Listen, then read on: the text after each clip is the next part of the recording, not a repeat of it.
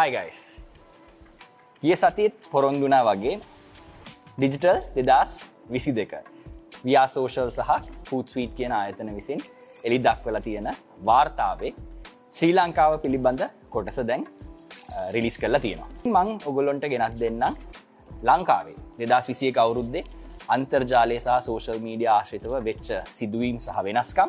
ඒක කොහොමද ඉදිරියට බලපාන්නේ?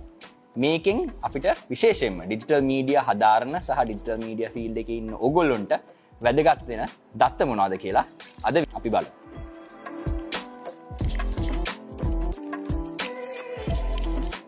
හරි. පළවෙනි දත්තය දෙදස් විසිය කවුරුද්ද නැත්තං දෙදස් විසි දෙකේ ජනවාරි වෙනකොට ශ්‍රී ලංකාවේ ඉන්ටනෙට් පෙනට්‍රේෂන් එක මිලියන එකොළහයි දශම තුනයි හතරකට දැන් අන්තර්ජාල පහසුකම් තියෙනවා. ඒකන්නේ ප්‍රතිශතයක් විදියට අපේ මුළු ජනගහනයෙන් 52.6 පනස් දෙකයි දශම හයකට ඉන්ටනෙට් එක දැන් තියෙනවා. මේක තමත් වැදගත් දත්තයක් කියන්නේ මේ දෙදස් විසිය කවුරුද්දේ අන්තර්ජාලයට අලුත්තෙක් පන්ලක්ෂ විසි අට දහක් පුද්ගලයින් ඇතුළත් වෙලා තියෙනවා. මේක මහිතන්නේ ඩිජිටල් මීඩිය හෝ ඩිජිටල් මාර්කටිං හෝ මේ ෆිල් එක ඉන්න ඕන එක්කෙනෙක්ට ඉතාම වැදක දක්තයක් මොකද හැම අවුරුද්ධම මේ වගේ ලොකු ප්‍රමාණයක් අන්තර්ජාලයට එනවා කියන්න අපේ ඉන්ටනෙට් පෙනට්‍රේෂන් එක ඉතාම සීග්‍රයෙන් ඉහලයට යනවා.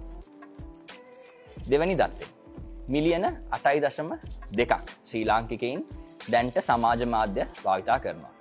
මේක ඉතාම ලොකු නොම්බරයක් ගැන අපේ අන්තර්ජාලය භාවිතා කරන පුද්ගලයින් සංඛ්‍යාවත් එක්ක සාපේක්ෂ බලනකොට මිලියන අටයි දශම දෙකක් කියන ඉතාම ලොකු ප්‍රතිශතයක් සමාජ මාධ්‍ය භාවිතා කරනවා. මේක විශේෂයෙන්ම අපි දකුණු ආසියාවේ දකින දෙයක්.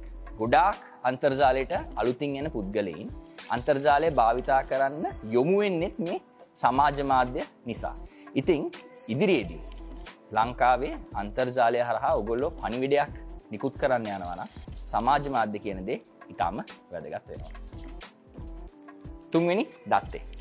සමාජ මාධ්‍ය භාවිතා කරන පුද්ගලීන් සියට අනු අටයි දශම අටක්. නැත්තං වැඩිම පුද්ගලින් සංඛ්‍යාවක් සමාජ මාධ්‍ය භාවිතා කරන්නේ තමන්ගේ මොබයිල් ෆෝන් එක ස්මර්ට් ෆෝන් එක.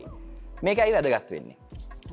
තමන් කරන මොන ඩිජිටල් මීඩිය කැම්පේෙන් එක හෝවේවා මොන මෙසේජිං එක හෝවේවා මේ පොඩි ස්ක්‍රීන් එකට චක්ටිව්ය යුතුයි. ගොඩාක් වෙලාවට අපි දකින්නේ ග්‍රෆික් ඩිසයිනිං අපි කරන්නේ ඩෙස්ටොප් වල ඩෙස්ටොප් පරිගණකවල. විශේෂයම මගේ YouTube සිරිස එකත් කතා වෙච්ච දෙයක් තමයි මොන ඩිවයිස් එක ඔයා වගේ කටෙන්ට් එක කරත් ස්මෝල් ස්ක්‍රීන් එකට මේක කම්පැටිබියල් විය යුතුයි. ඉතින් හැම්වෙලේ මතක තියාගන්න ෆස්බුක් ලංකාවේ ඇක්සෙස් කරන්නේ සියට අනු අටයි දශම අටක් ස්මර්ට ෆෝන් ඩිවයිසයකින් පමණයි. හතරවෙනි දත්තේ. ලංකාවේ අන්තර්ජාලය භාවිතා කරන මුළු ප්‍රතිශතයෙන් සියට හැට එකක් අන්තර්ජාලය ග්‍රහණය කරන්නේ තමන්ගේ මොබයිල් ෆෝන් සියට තිස් හතක් ලැප්ටොප් හෝ ඩෙස්ටොප් පරිගණක භාවිතයක් තමයි අපි ලංකාවේ දකි.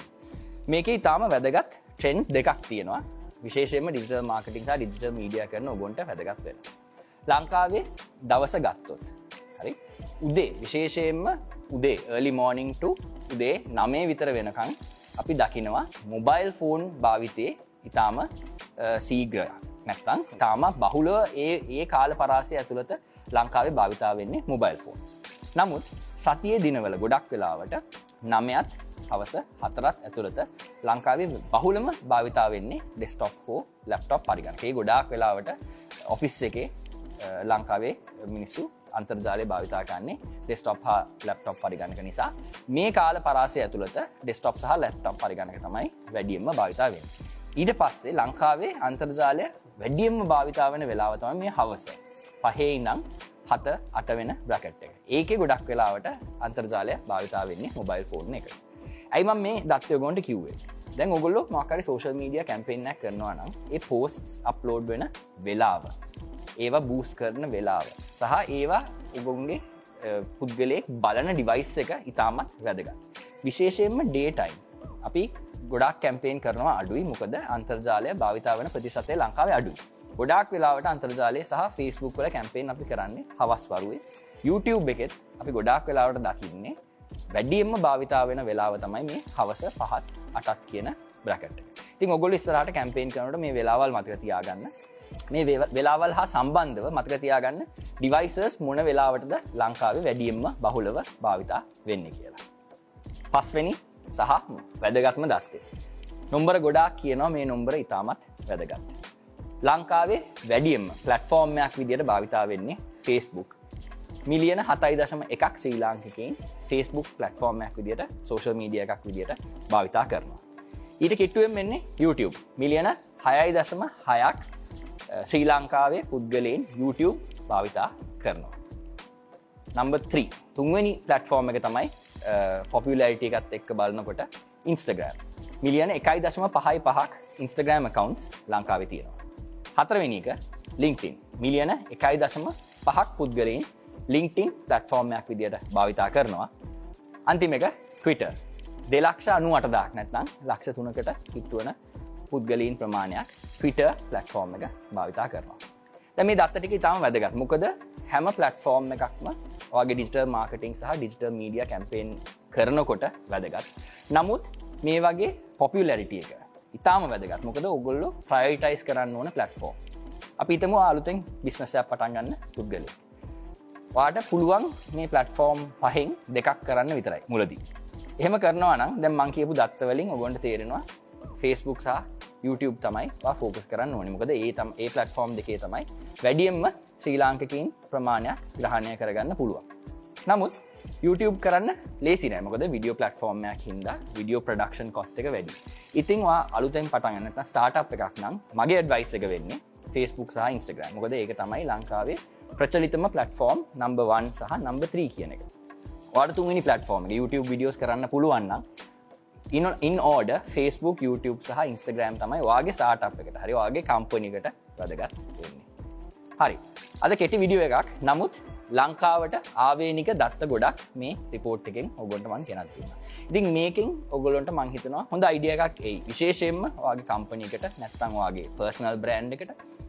සමාජ මාධ්‍ය සහ ඩිජිටල් මීඩිය භාවිතා කරනවන කොහොමද හොන පලටෆෝම්ස්ද ඔගොලු ප්‍රයිටයිස් කරන්න ඕනේ?